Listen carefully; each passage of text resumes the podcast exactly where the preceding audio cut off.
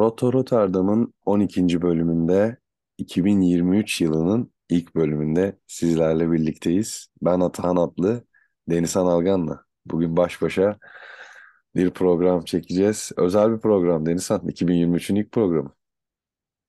Evet, 2023 ile birlikte yine ufak bir minik aradan sonra tekrar geri dönüş yaptık. Seninle burada karşılıklı sohbet etmekten zaten hep keyif alıyorum. Ufak bu aralar ikimizin de e, birkaç işi oldu. Ondan ufak bir ara vermemiz gerekti. En azından sağlık, saat her şey yerinde. İnşallah güzel bir program olur.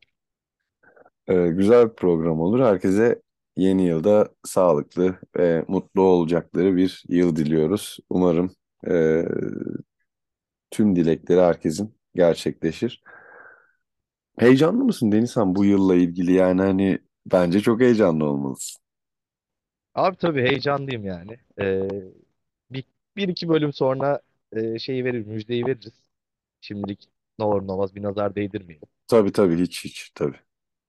Ama tabii heyecanlıyım. Daha Ee, güzel bir yıl olsun. arkadaşlar Denizhan evleniyor. Ee, ee, Denizhan hayırlı Baba olsun. oluyorum. Arkadım var ya. Evet, evet.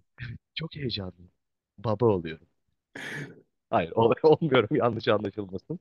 Ee, neyse biz futbola geri dönelim. Or- Orada orada daha iyi. Yine tereddütte bıraktık ama herkesi farkındaysan. Yani şimdi ne oldu hani bir, her şakada bir gerçeklik falan. Ee, bugün ama en yakın arkadaşımın evlilik tarihi geldi bana. Ee, çok heyecanlıyım. Buradan da onu tebrik ediyorum. 8-9 Allah mesut. Eylül'deymiş. Bakalım nasıl olacak. Ee, Dünya Kupası geçti. Messi kupayı aldı. Ronaldo Arabistan'ın yolunu tuttu. Ancak e, bugün çok ilginç bir haber okudum. Hemen onunla başlamak istiyorum. E, futbola da bu şekilde girmiş yap, giriş yapmış olalım. E, Al Nassr takımının sahipleri aynı fon e, Newcastle United'ın da e, fonuymuş. E, ve Ronaldo'nun e, ve bu markanın haberi bu arada. Hani çok sallamasyon bir haber olduğunu düşünmüyorum. E, Ronaldo'nun da sözleşmesinde şöyle bir madde yer alıyormuş. Newcastle United'ın Şampiyonlar Ligi bileti alması durumunda Ronaldo gelecek sezon kiralık olarak Newcastle'da forma giyebilir. Her iki kulüp de Saudi Arabistan'ın kamu yatırım fonuna ait dediğim gibi. Ne düşünüyorsun Denizhan? Hemen de bir Newcastle yorumu da alalım seni. Hocayı çok sevdiğini biliyorum çünkü. Abi evet yani ilginç bir haber. Yani çünkü Ronaldo'nun da zaten El Nassr'a gittiğinde de bir şüphe uyandırdı. Yani şeyden dolayı şüphe uyandırdı. Yaklaşık iki üç yıl so- önce e, belki daha fazla Jonathan Ross'un bir İngiltere'de talk show e, programında ya ben diğer oyuncular gibi işte hatta Iniesta örneği veriyor, Xavi örneği veriyor. Ben işte kariyerimi Arabistan'da, Dubai'de ya da Amerika'da bitirmek istemiyorum. Ben para için takım değiştirmeyeceğim demişti. E, tüm bu dediklerinin e, üzerine silercesine bir hareket geldi. E, herhalde ya zaman değişiyor tabii. Her insanın birçoğu yani burada Ronaldo'yu da hemen suçlamamak lazım. Muhtemelen bizim de 5 yıl önce dediğimiz şeyle çeliştiğimiz durumları olmuştur. Çok ciddi bir miktar paradan da bahsediyorum. E, Bir de yaşadığı psikolojik sorunlar da vardı doğal olarak. Yani bence çok değinilmedi. Aynı zamanda çünkü ikiz bebek doğururken hani ilginç bir olay herhalde. Çünkü ikiz bebek doğuyorlar. O an dünyaya e, bir bebek geliyor, birisini kaybediyorlar. Yani hem üzüntü hem mutluluk aynı anda o da ne hissedeceğini, nasıl hissettiğini hiçbirimiz yaşamadan bilemeyiz ki inşallah yaşamayız. E, herhalde yani psikolojik olarak birazcık etkilendi, çok zorlandı. E, ama hala işte böyle bir kontrattaki maddeyle bile hala 38 yaşında kariyerinde ufak şeyler hala bir macera arıyor gibi. Bu konuda da takdir etmek lazım bence. Yani zaten hani Şampiyonlar Ligi'ne kalması durumunda. Farkındaysan öyle de bir e, not var. Yani orada. Kalır mı? Denizhan Newcastle'ı nasıl gidiyor? Yani çok zor. İyi gidiyorlar aslında ama bana zor geliyor. Çünkü e, yani Chelsea iyi gitmiyor. Onların son döneme doğru toparlama ihtimali olabilir. E, bir devre arası, bir transfer dönemi göreceğiz. O çok etkileyecek. Yani şimdi birazcık bu Dünya Kupası arası sanki ligin ikinci yarısı başladı. E, bir transfer dönemi geçirdik gibi bir hissiyat veriyor. Ama aslında ligin hala ilk yarısını oynuyoruz. Sonra bir tane transfer dönemi, bir ara sezon. Kısa da sürecek olsa da sonra ikinci yarı başlayacak. Aslında önümüzde çok uzun bir yol var. Ee, yani mesela Arsenal'ler de şu an bayram yapıyor. 7 puan farklı öne geçtiler City karşısında. Ama her şey için çok daha erken. Ee, e, bakalım United'da toparladı. e, Liverpool'da toparlamaya başladı. Gakpo'yu getirdiler. Oradan kendilerini o ilk dört potasına sokma ihtimalleri nasıl olur e, bilemiyorum. Yani zor gözüküyor açıkçası. Arsenal 7 puan fark açmış demişken yani bu sene sadece bir beraberlik, bir mağlubiyet, 14 galibiyet. Ya bence Ya bu futbol ivmesini birazcık biliyorsak yani mesela Leicester'da da bunu bir süre sonra hepimiz görmüştük. Bence Arsenal bu sene şampiyon olur. Yani bu dakikadan sonra söylemek kolay bence zaten hani bir, bir şey bilmek gibi değil de bu ivme o ivme olduğunu düşünüyorum. City de bir türlü ivme yakalayamadı. Benim e, tabii kendi düşüncem. Newcastle'la ilgili de e, şu dediğine katılıyorum. Bence de belki biraz geride bitirebilir. Çünkü zaten Mesela şu an üçüncü ama bir maç fazlası var. United yendiği zaman önüne geçiyor. E Tottenham Liverpool var ondan sonra. E onlar da hani toparladıktan sonra önüne geçebilir. E, ama Chelsea yetişir mi? Yani Chelsea'nin önüne bitirebilir mesela bence Newcastle. Sen tabii Chelsea önde gidebilir. hı hı, Ama ilk dört potası yine kalabalık. Yani Liverpool, City, Arsenal, United olabilir. Çok yüksek ihtimal bu zaten. E, Tottenham birazcık kötü başladı 2023'e. E, ama Conte hocanın ne yapacağı hiç belli değil. Devre arası o da mesela geçen sene Kulusevski ile Bentancur'u getirdi. Herkes dedi ki abi ne yapıyorsun? Kimleri getiriyorsun? Belki de son iki yılın Heung-min daha iyi performans veriyor olabilir Kulusevski. Yani apayrı boyutta oynuyor. Ki maça çok hala etki mesela eden bir maç. çok ama mesela misal United transfer ediyor deseler ben yine soru işaretinde bakacağım bir oyuncu. Yani Conte'nin sistemine uyan bir adam. Conte zaten hep böyle bilinir. Victor Moses'de şampiyonluk almış bir adam. Yani sonra Inter'e de getirdi. O beşli hücum attı. iki bek. ilk üçlüyü ilk üçlüyü tabii ki o yapmadı ama o en domine performansını yaratan hocalardan. Ee, o yüzden e, yani çok farklı şeyler olabilir bu ligde. Ee, City ile ilgili de ben şuna değinmek istiyorum. Yani söyledim. İşte tabii ki gol atma yeteneğiyle ilgili hiçbir itiraz edemem. Bir şey de diyemem. Zaten istatistikler belli. Haaland'ın yaptıkları. Ama yıllardır ambargo koyan City kendi forvetini yani yolladığı forveti hatta o bile ikinci forvet gibi oynuyordu bazen. Jesus'u yolladılar. Arsenal onun dışında neredeyse aynı takım. E, Saliba var, Zinchenko var. 7 puan önündeler. Yani Haaland'ın bu dünya dışı gol atma sayılarına rağmen işte 7 puan gerideler. Birazcık Haaland'la ilgili bahsetmeye çalıştığım oydu. Yani evet gol katkısı yapar ama işin sonunda 7 puan geridesiniz. Yani bilmiyorum böyle direkt doğru orantı kurabilir miyiz buradan ama e, ben oyuna çok zarar verdiğini düşünüyordum. Hala düşünüyorum. Yaptıkları iş dışında. Arsenal'deki tek problem de e, şimdi Jesus sakatlandı ve 2-3 ay yok. E, Enkediah'la oynuyorlar ve Enkedia da iyi performans sergiliyor. Ee, bu konuda ne yapacağını çok merak ediyorum artık. Yani birisini getirecek mi devre arası bir forvet? Enkediah'la mı devam etme riskini alacak? Ya büyük bir risk.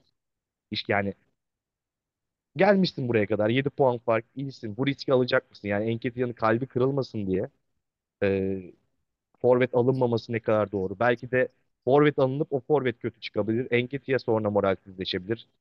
O ilk 11'e girdiğinde o performans verebilir gibi gibi çok fazla soru işareti var. Ee, ilginç bir ikinci yarı yani birinci yarının sonu ve ikinci yarı bekliyor bizi bence. E, Abubakar'ı kiralasa Arsenal nasıl olur sence iş yapar mı? Sanmıyorum yani. Yani Bir şey soracağım Denizhan. Forvetlerin en önemli özelliğinin özgüven olduğunu hep seninle konuşmuşuzdur. Abubakar tam özgüven topçusu. Topa vurmayı bilmez. Ben hiç ya birkaç tane atar da böyle kendi şaşırır falan. Bence bilmez. Tam bilmez. Yani hani böyle hep enteresan ya, ya da çok iyi gidiyor bazen toplar. Yani böyle bir enteresan bir vuruş yapısı var. Çok özgüven. İşte Dünya Kupası öncesi çıkıyor diyor ki işte her maç gol atacağım diyor. İkisini de attı falan. Hani böyle en- enteresan bir özgüvenle o anlamda söyledi. Böyle Arsenal'den istense bu kesin böyle çok mutlu olur böyle hani gariban mutluluğu hani anladın mı? Böyle gariban mutluluğuna sahip olup böyle hani mesela 6 tane atsa zaten Jesus gelse sonra 6 tane. Hani olmaz mı yani sence mesela? Abi, oyuna uyum sağlaması önemli. Çok Abubakar o yönden çok- ne kadar disiplinli olabilecek emin olamıyorum. Yani hatta şeyden görebiliriz. Dünya Kupası'ndaki disiplinsizlik. Yani gol atıp hocayla el sıkışıp gülerek kırmızı kartla oyundan çıktı. Ne yapıyorsun abi? Yani aslında bu disiplinsizlik hiç Premier Lig'e uyacak bir şey değil. Yani artı da delirir.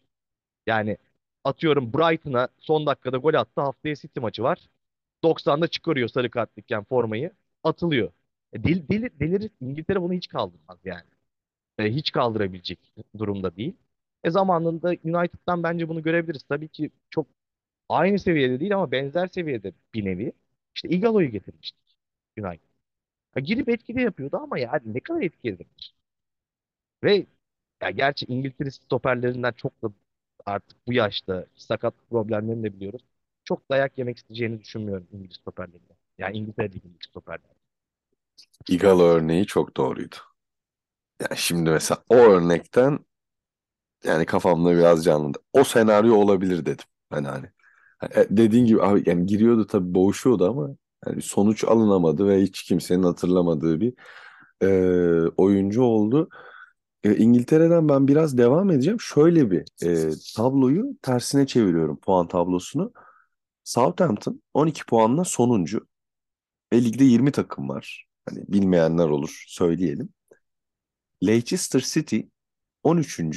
17 puanla.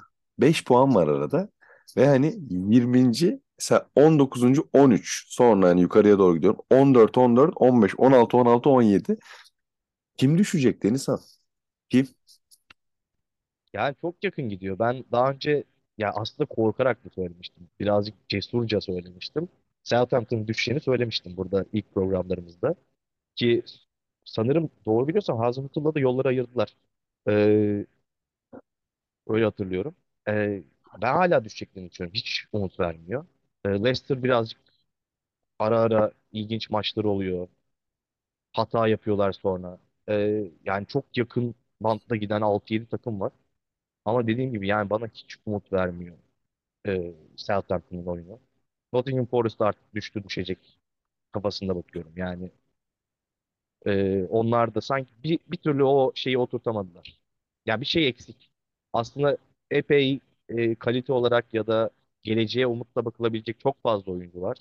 E, ki ben şeye şaşırmıştım. Renan Lodi'yi getirmişlerdi Atletico Madrid'den. Ben işte şey düşünüyorum. Premier Lig öyle bir lig. Ya Atletico Madrid'de full ilk 11 oynayan sol bek.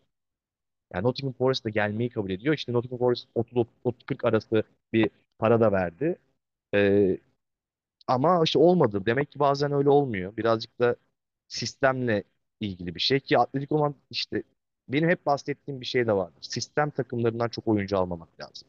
Yani bu Jorge Jesus için de geçerli. E, Atletico Madrid'den ben hayatta oyuncu almam. Ki belki de bunun örneklerini de gördük. Yani e, Simeone'den sonra e, Arda'nın kariyeri belli. Tamam Barcelona'da fena işler yapmadı aslında bir dönem ama ne kadar bunu taban olarak alabiliriz? Griezmann yapamadı misal. Ya mesela Arda ile ilgili çok doğru. Aslında ciddi bakacaksak hani Lagalugaları bir kenara bırakalım. Atletico'nun en en önemli adamıydı. Yani on numarayı giymesini falan geçiyorum. En önemli adamıydı. Hatta yani İspanyol dizilerine falan hep hani mesela Atletico Madrid'den bir adam işte Arda'nın ismi bilmem ne falan. Hani tamam Barcelona'ya gitti yine adama sponsorla gitti falan dedik bilmem ne ki bence de orada hat-trick falan yaptı ya Denizhan yani bunları kimse öyle yapamaz. Yani gitti büyük takımlara daha önce topçularımız da gitti ama bu kadar etki şey ama doğru diyorsun. Hani o sistem e, oyuncusu mantığın çok doğru. Ya mesela son örneği vereyim. Ben Koke'nin başka takımda çok fazla etki yaratamayacak. Yani Koke United'a gelse ben pek memnun kalmam. Anladım. Mesela. Güzel konuştuk e, Premier Ligi. E, bakalım ne olacak? Bir de son olarak Premier Lig'den bir takımı konuşmak istiyorum. Fulham. Yedinci onlardı. Chelsea'nin falan önündeler. Tabii burada Mitrovic efekt mi diyorsun Denizhan? İlginç meydan okuyor. Yani herhalde o içinde dolmuş. Yani çünkü çok dalga geçildi. İşte Şeyde yapıyor, EPL'de yapıyor ama Premier Lig'de yapamaz. Bunu gördük. İşte lütfen Fulham geri düşsün ki 40 gol attın. Şimdi gelecek 2 gol atacak sadece. Gibi gibi dalga geçmeler oldu. Hepsine e, çok iyi cevap veriyor. Yani bunun milli takımda da verdi.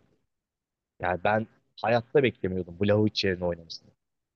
Yani Vlahovic'i kesecek kadar e, seviyede bir performans sergiliyor.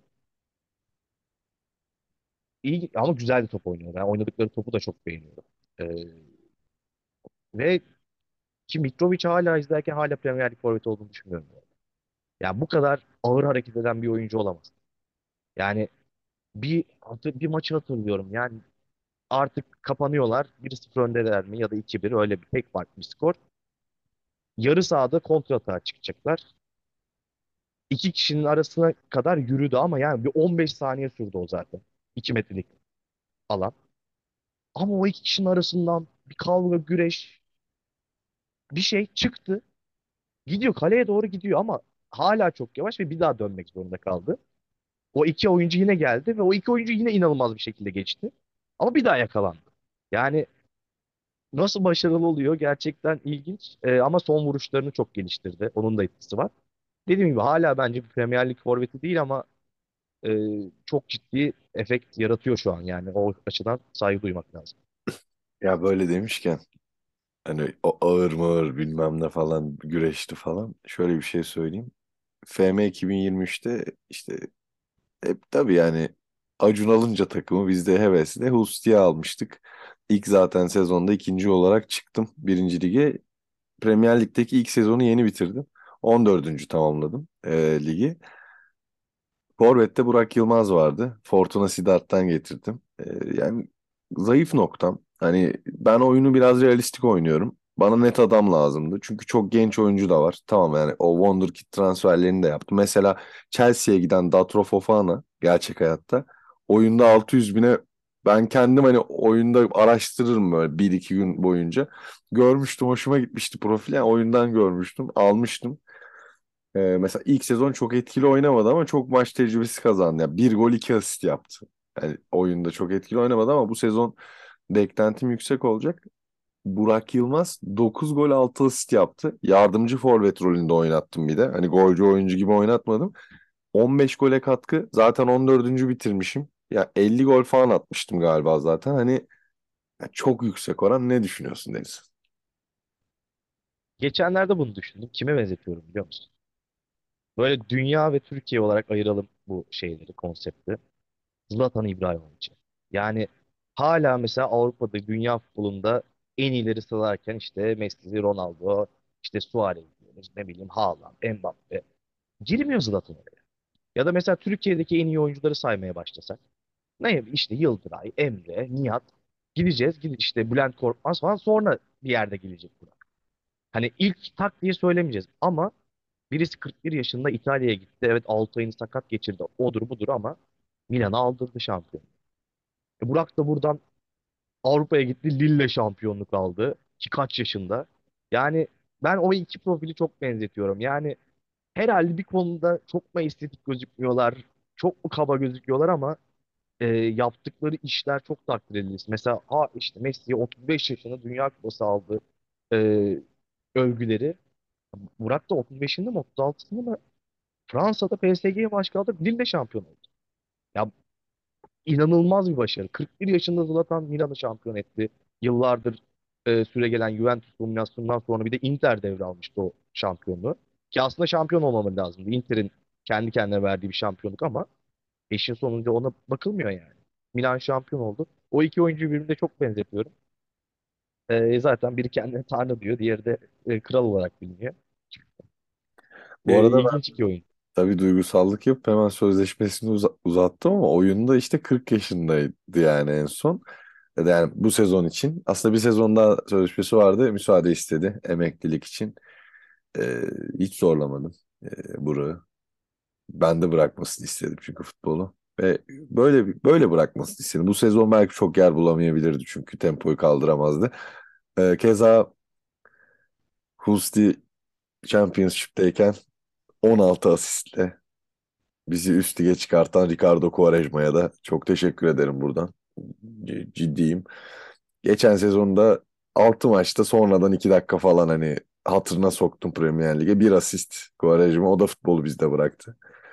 Ee, Acun Ilıcalı'nın vizyonu bu muydu bilmiyorum. Tartışılır. Ee, ama sonuçta Premier Lig'in 14. bitirerek ilk sezonda çıkmış olduk. Süper Lig'e geçelim. Geçelim. Bu hafta sonu oynanmadı ama hani kaldığımız yerden hani şöyle genel ligi konuşalım. Ee, şu an lider Galatasaray'dayız. Ya tabii tekrarlanacak bu maç öyle bir başvuruda bulunmuştu var şimdi. Ee, evet, liderler zaten ben arkadaşlarımla da konuşurken hep ya galiba Galatasaray'ın bu winner dediğimiz ya da büyük kulüp şeyi buradan geliyor. Yani Galatasaraylılar dahil iyi geçirdiklerini düşünmedikleri bir sezonda e, ve Fenerbahçe'nin çok iyi bir sezon geçirdiği konuşulan bir ligde şu an liderler. Yani bir şekilde oradalar, yine oradalar. E, bunu yapmayı çok iyi biliyorlar. Maç kazanmayı, kötü kötü günde maç kazanmayı çok iyi biliyorlar. Ki bunu büyük takımlar yapar ve e, Galatasaray bunu 6 maç 7 maç yapıyor. Yani o ilginç. Ya gerçekten bu sene kötü oynayarak e, birkaç başarı elde ettiler. Bazı maçlarda talihsizlerdi. İyi de futbol oynadıkları maçlar var. E, yavaş yavaş takımı toparlamaya başladılar. Hala bence epey bir defo var takımda. Yani ben mesela Gomis'le de ilgili aslında çok iyi şeyler düşünmüyorum. Yani atıyor ama oyuna bence verdiği zararlar var. Mertens bence gerektiğinden çok daha fazla çaba gösteriyor. Yani Mertens'i ben koşarak kullanmak istemezdim. Ben Mertens'i ayaklarını kullan, bileklerini kullanmak isterdim. Yani geçen Sivas maçı 11.500 koşmuş. Üçüncü olmuş. Yani bence Mertens'i bu kadar koşturmuyor olmak lazım artık. Bu arada Mertens'e de ben buradan teşekkür etmek istiyorum. Ya tamam belki çok para alıyor, alttan da alıyordur. Ne alıyorsa o bizi ilgilendirmez. Çünkü zaten kulüp veriyor. Çocuk zorla buradan silah dayayıp almıyor bu parayı. Geliyor, oynuyor. Bence oynuyor. Ee, Ben zaten demiştim e, bu ilk transferde de. Yani oynayacak bu belli. İstanbul'da seviyor böyle. Yani mutlu bir adam, pozitif bir adam. Buraya lige gelmiş. Yani bence ne bileyim ahlaklı bir adama benziyor. Şimdi gerçi gelir e, derbide bunu gaza getirirler. Bilmem bir şeyler olur mu bilmiyorum da. Ya Mertens bence bir de Belçika idmanı yemiş bir Mertens değişmiş değil mi? Biraz Denizhan. Ben ben buna çok katılmıyorum. Ben bu yorumu gördüm. Ben Belçika idmanı yediğinden dolayı değiştiğini düşünmüyorum. Çünkü gerçekten yine bu kadar çok koşuyor. Ben bunu Trabzon maçında da söylemiştim. Zaten ona değinmeye çalışıyorum. Yani e, Trabzon maçında kaçırdığı bir karşı karşıya var olacağım. Karşı Ya, karşıya değil. Evet karşı karşıya ama o gün de galiba podcast'ta söylemiştim. Yaklaşık 55 metrelik bir sprint atıyor. Hatta işte Kerem Aktürko- Aktürkoğlu'nu eleştirmiştim. Hani ona bakıyor pas atmak için. O koşmayınca kendisi koşmaya başlıyor. Yaklaşık 55 metreye yakın bir sprint.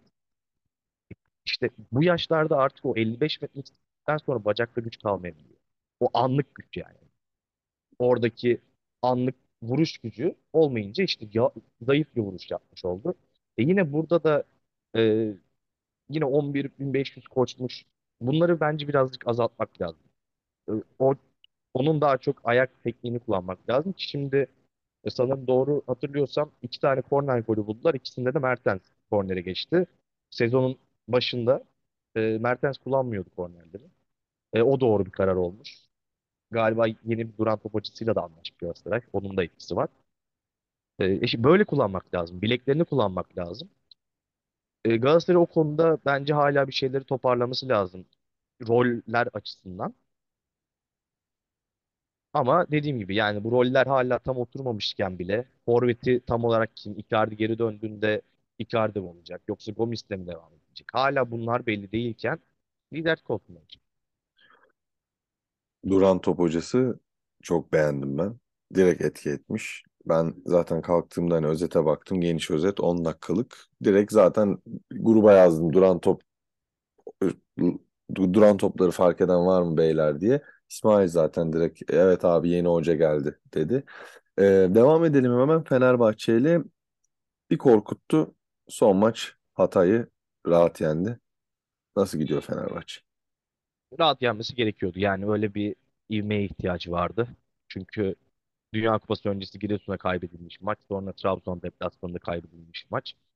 Ee, Jesus'un da genel şu an bir bahanesi var. Yani bahane de değil ama bahane. İşte ben kırmızı kart 10 kişi kalmadığım sürece maç kaybetmiyorum. Ee, ama ben bu konuda eleştiriyorum. Çünkü yediğimiz kırmızı kartların birçoğu da Jesus'un aslında suçundan kaynaklanıyor. Sarı kartlı oyuncu çıkarmaması. Bunu işte Trabzon maçı Crespo. Ee, bu ilk maç yani ilk ve son maç olarak bakabiliriz. Hatay maçını unutursak. İlk geldiği maç Dinamo Kiev maçında İsmail Yüksek'le aynı problemi yaşadık. 50 bin seyirci bağırıyordu bu oyuncu kırmızı kart görecek diye. Aynı şekilde yine Crespo'nun da kırmızı kart göreceğini düşünüyorduk ve gördü. Yani evet e, mesela Pedro'nun kırmızı kartı belki birazcık ağır olabilir ama hoca da kırmızı kart görmemek için bazı önlemleri almıyor. Yani bunları bilmesi lazım. E, bunu bahane olarak kullanması güzel. Evet doğru. 11'e 11 maç kaybetmiyor. Ama 10 kişide kalan sensin. Bu konuda da bir öz eleştiri yapabilmek lazım bence. E, onun dışında Trabzon maçı birazcık aslında talihsizlik oldu. Bence Giresun maçını kaybetmemiş olsaydık Trabzon mağlubiyeti o kadar çok etki etmezdi. Ee, ama oradaki iki tane üst üste mağlubiyet zarar verdi. Çünkü bu sene Jesus Hoca'da şunu gördüm. Ben öyle anlıyorum. Sanırım ben derbilerden beraberlik alsam bana yeter. Diğer maçları yenersem yeter gözüyle bakıyor. Ki bu aslında çok yanlış bir bakış açısı değil. Ben doğru hatırlıyorsam sen beni düzelt. Ee, Slaven Bilic dönemi. Bilic'in kovulduğu hatta oradan West Ham'a gitti. Sanırım Bilic derbi maçlarında şov yapıyor. Ligde batırıyor.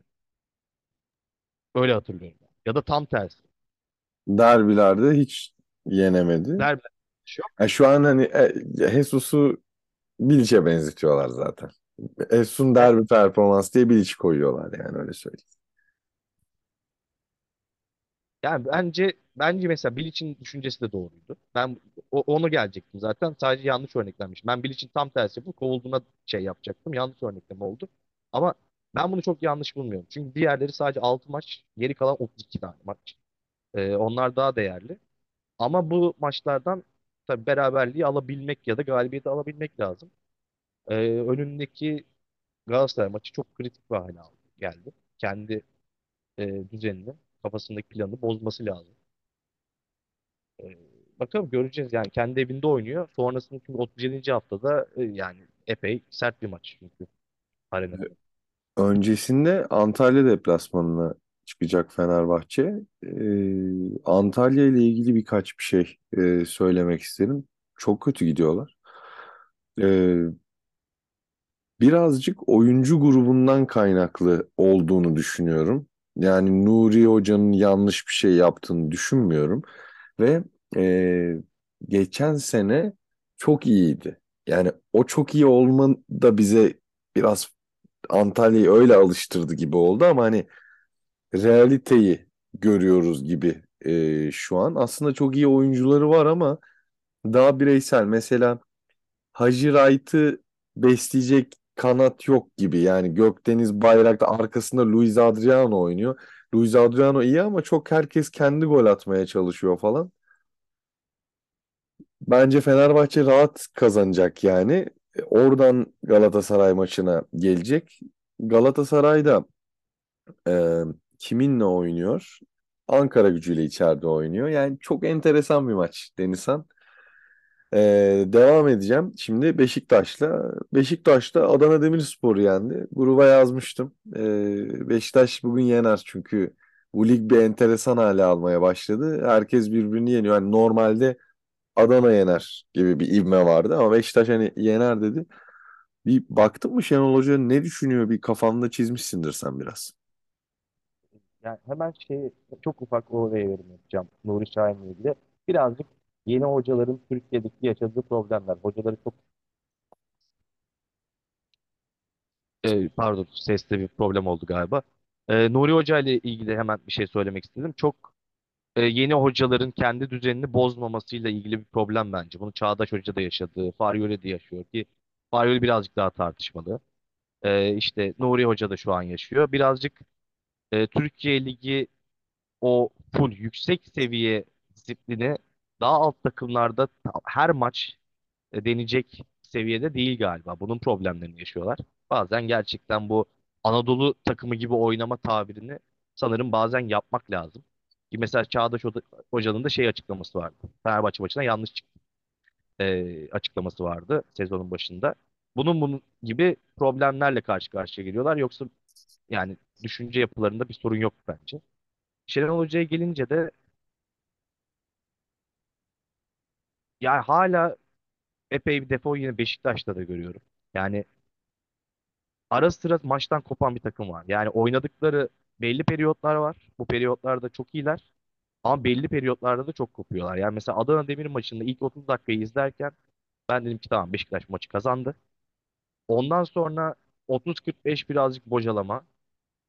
45-60 yine iyiler. 60-70 arası yani dakikaları tabii birazcık farazi söylüyorum ama e, ara sıra oyundan kopan bir onar dakikalık süreçler oluyor. E, bunlarla ilgili bir toparlama yapmaları lazım. Onun dışında ilk geldiğinde bir Masuaku'yu kesme çabası vardı. Ben hiç anlamıyorum bunu. E, yani free kick golleri attı. Bu sene kaç asisti var bilmiyorum ama kornerleri çok etkili kullanıyor. Frikik golündeki vuruşu gördün mü? Farklı bir teknik. O vuruş böyle sekmesini istedi. Hatta böyle bakıyor topa sekiyor hani tam kalecide gol olunca hani yes be yani tam istediği vuruşu yapıyor. Yani bildiğim bir çalışma vuruşu değil mi yani? Farklı bir teknik. Biraz yorumlar mısın? Ya, e, çalışma vuruşu yani zaten is- birazcık da işte Premier Lig'in zaten kalite seviyesini gösteriyor. Yani West Ham'da muhtemelen 6. kişiydi. Ama onun kalitesi bu. Ee, mesela şeye çok kızdım. Bu bence bir takımda olmaması gereken bir şey. Dakika 45 galiba. İlk yarının sonlarına doğru yakın bir pozisyondan bir free kick daha kazanıyor Beşiktaş. Ve bu sefer Cenk Tosun kullanıyor. Yani ben bunu hiç anlamadım. Bu aslında kopuşların da bir örneğidir. Bu da bir kopma. Bu disiplinden kopmadır. Yani free birisi attıktan sonra başkası atacak gibi bir listeleme varsa gol atmasına rağmen bu zaten çok absürt bir e, durum. Yani ayağı düzgünken kendini iyi hissediyorken orada tekrar Masuaku'nu kullanmaması ilginç. Belki de ikinci free golünü atacaktı. İkinci yarı güle oynaya bir maç olabilirdi. İkinci yarı zorlandığı anlar oldu Beşiktaş'ın. Montella gibi lige damgasını vuran bir başka İtalyan hoca. Neden diyeceksin? Ligin en çok gol atan takımı tartışması zaten Fenerbahçe 40 gol. İkinci gol atan takımı 12. sırada bulunan Fatih Karagümrük 29 gol. Trabzon'u yendiler. Ne düşünüyorsun? Bir Pirlo yorumumu alayım ya da takıma mı yazar? Ne yazar? Ya golleri çok iyi dağılmadı. ama. Yani bir Fenerbahçe maçı var. 4-3 mü? 5-4 mü? İşte Trabzon maçı şimdi 4-1. Galiba bir maçları daha var 4. Yani atılan 29 golün 12'si e, 3 maçta falan atıldı. Ankara gücüne Yani 4 ilk- atıyor. Fenerbahçe'ye 4 atıyor. Hatay'a 3, Ümraniye'ye 3, e, Antep'e 3, Trabzon'a 4. yani neredeyse 6 maçta atmış aslında E, 29. e, evet. Yani e, işte o çok e, ilginç e, bir yapıları var.